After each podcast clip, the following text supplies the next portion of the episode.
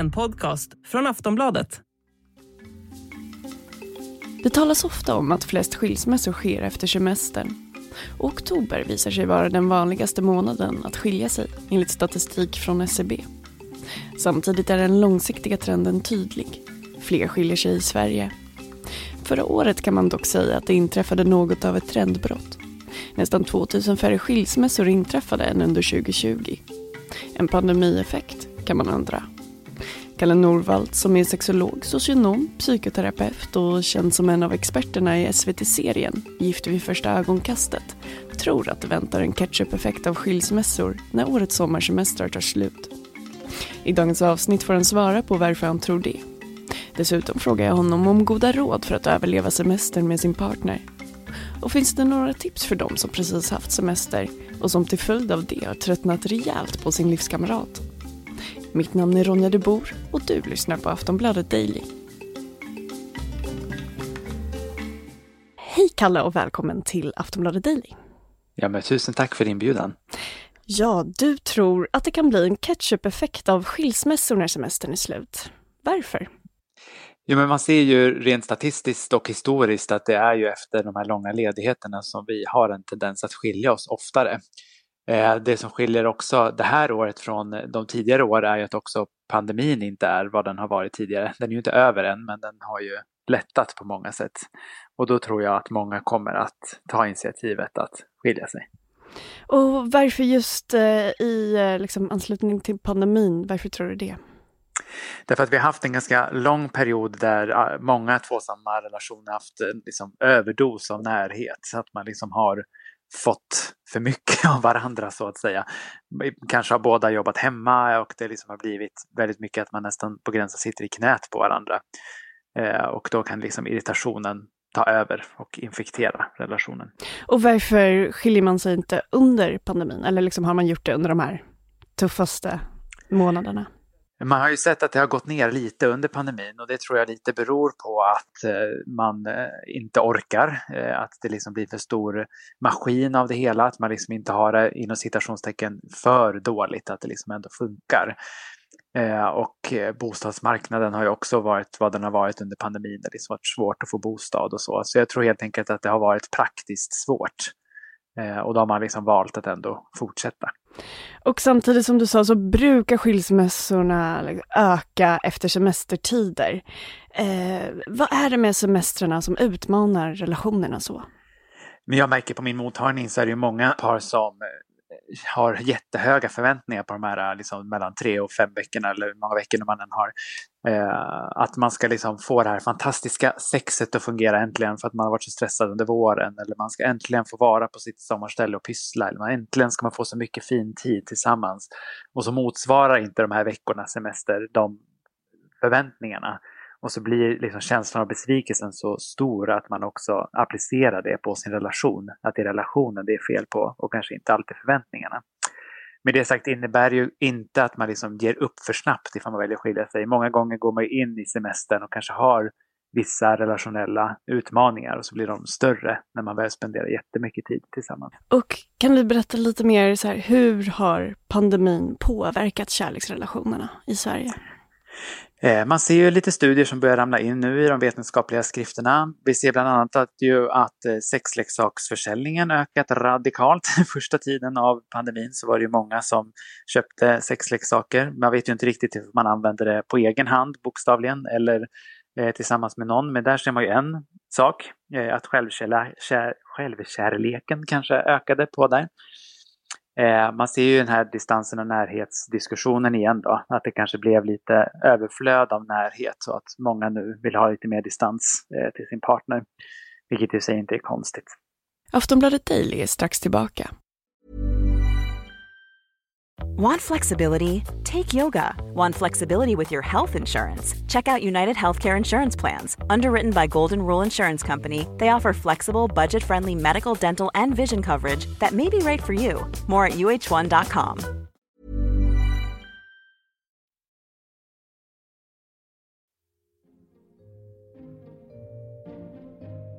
Ja, det återstår att se om Kalle Norvalds teori om en ökning av skilsmässor när sommarens semestrar är över blir till verklighet. Men hur ska man då överleva semestern med sin partner om den leder till att relationen börjar knaka och man fortfarande vill vara ihop? Vi har Kalle Norvald igen. Jo, men jag, alltså jag brukar ju föreslå ett, eh, en metod som ganska få tycker är sexigt eh, och det är ju faktiskt planering. Att man planerar inför sin semester, alltså jobbar förebyggande för att det inte ska bli de här höga förväntningarna som bara går rakt ner i kloakerna. Utan att man faktiskt vågar sätta ord på vad vill du av den här semestern, vad vill jag och vad vill vi? Hur ska vi göra med vår tid, vad ska vi göra? Och hur ska vi också se till att vi två får tid tillsammans? Att liksom också få in det i kalendern att man får ihop lite partid på ett eller annat vis. Och det behöver inte vara att man åker iväg två veckor själv på egen hand och lämnar resten av familjen hemma, utan det kan ju också vara att man eh, på kvällen spelar ett parti Yatzy eller att man eh, i alla fall ser till att få en eller två kramar per dag av varandra. Att man liksom ser till att det också är en prioritering och inte bara aktivitet. Och om någon eh, som lyssnar på det här liksom har precis haft en semester och är skapligt trött på sin partner, vad har du för råd till dem? Jo, men jag har ett klockrent råd som jag gav till, till mig själv senast i morse. Det är att också eh, försöka komma igång med saker som är viktiga för en själv som individ. I mitt fall så handlar det om att liksom ta upp min eh, springträning igen, för det har jag lite bortprioriterat under semesterveckorna av diverse orsaker, så jag lever ju inte alltid som jag lär, men man kan ju försöka. Eh, men det kan också vara att kanske hitta en eh, drejkurs, eh, att gå på teater, eh, träffa de här vännerna man kanske inte har haft möjlighet att träffa under sommaren. Att krydda på liksom de individuella plussen för sig själv. Mm. Och samtidigt kan eh, också semestern vara utmanande för eh, nyskilda. Eh, Absolut. Har du tips till dem? Jo, men jag tänker att semestern och den tiden som kommer till med den kan ju också bli en påminnelse om den, eh, det som har varit och om historien. Så jag tänker att man kan inspireras som mitt föregående tips att liksom göra saker som man själv mår bra av. Eh, utan förstås att liksom negligera sitt eventuellt dåliga mående, men att ändå göra saker som får en att må bra. Och var inte rädd att ta hjälp om du känner att det går överstyr. Om du mår dåligt över det. Är man då också lyckligt skild kanske, eh, så kan det också bli för mycket av det goda. Att man kanske bara springer runt och gör hipp som happ och bara blir luststyrd och glömmer bort typ äta, sova, röra på sig. Vilket är ganska vanligt när man eh, får den här liksom nyskilda energin om man är glad över skilsmässan. Och då får man påminna sig om att sitta stilla lite grann då och då. Och vilka faktorer ökar generellt riskerna för skilsmässa?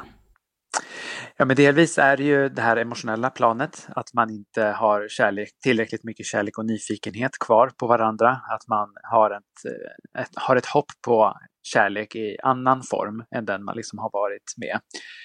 Eh, man ser ju också att ekonomi är en jätteviktig faktor, att man har en så stabil ekonomi som möjligt. Eh, då ser man ju att de som har en bra ekonomi eh, har ju generellt sett bättre förutsättningar eftersom vi lever i ett sådant ekonomiskt samhälle vi har. Men också att man mår bra, eh, både som individ och som par förstås. Eh, och gör man inte det så ökar ju risken för separation. Men sen ser man ju också ifall man delar lite på hushållsarbetet och det oavlönade arbetet i hemmet så ökar också chanserna att relationen håller över tid. Och ja, vilka är då de vanligaste orsakerna till skilsmässa?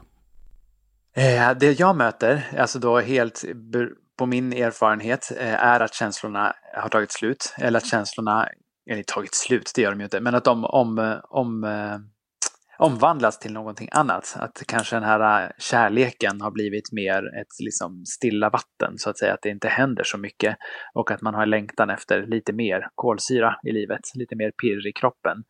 Eh, och så försöker man det i den relationen man är i men så funkar det inte och så väljer man att gå separata vägar. Men sen förstås också ifall en eller båda träffar en ny partner på olika håll. Att man helt enkelt eh, inleder nya relationer som får ersätta den andra. Och i vilket skede av livet är det vanligast att skilja sig? Eh, de siffrorna har jag inte rakt upp och ner i huvudet, men det brukar ju det brukar vara sådana klassiker att man säger att under de första åren, under småbarnsåren då, eh, när det är som mest jobb med att lägga allt sitt fokus på en annan varelse så eh, ökar risken för separationer. Eh, men sen ser man ju också när då de här eventuella barnen också flyttar hemifrån att det också finns en ökad risk för separation.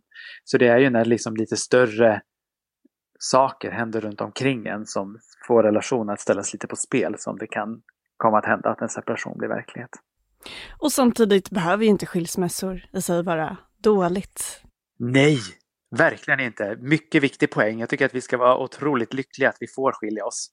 Det hade ju varit eh, hemskt jobbigt om man liksom blev metaforiskt fastkedjad med en och samma person hela livet. Eh, vilket vi har en historia ju om att det har varit så. Eh, som mest ju har drabbats kvinnor. Men att vi ska vara jätteglada att vi faktiskt kan juridiskt skilja oss. Mm. Och vad kan man då säga, eh, liksom, när är det bra och när är det dåligt att skilja sig? Om det någonsin ens är dåligt. Ja, eh, jag tänker att det förstås finns olika typer av värderingar på olika nivåer kring vad som är bra och dåligt. Eh, men bra på det individuella planet är ju att göra det när relationen inte ger tillräckligt mycket plus på listan i jämförelse med minusen på listan. Och så är det ju klart också så att vi i vissa perioder i en relation förstås har fler minus än plus.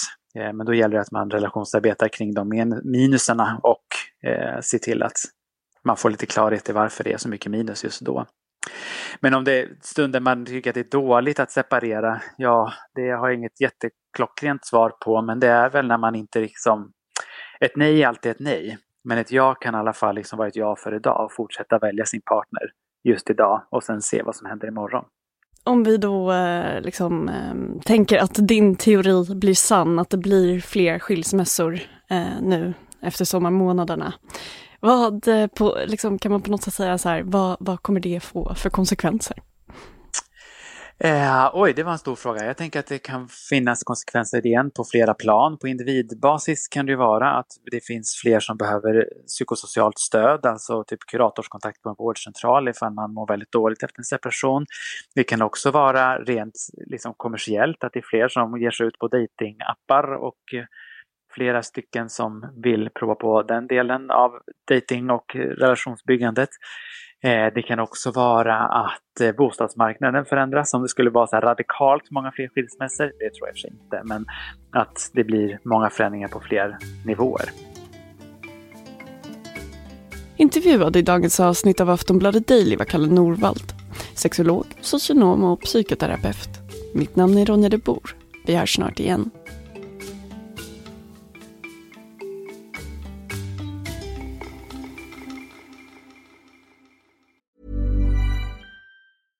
Tired of ads barging into your favorite news podcasts? Good news. Ad-free listening is available on Amazon Music for all the music plus top podcasts included with your Prime membership. Stay up to date on everything newsworthy by downloading the Amazon Music app for free or go to amazon.com slash news ad free. That's amazon.com slash news ad free to catch up on the latest episodes without the ads. Du har lyssnat på en podcast från Aftonbladet. Ansvarig utgivare är Lena K Samuelsson. Tired of ads barging into your favorite news podcasts? Good news. Ad-free listening is available on Amazon Music for all the music plus top podcasts included with your Prime membership. Stay up to date on everything newsworthy by downloading the Amazon Music app for free or go to amazon.com slash news ad free. That's amazon.com slash news ad free to catch up on the latest episodes without the ads.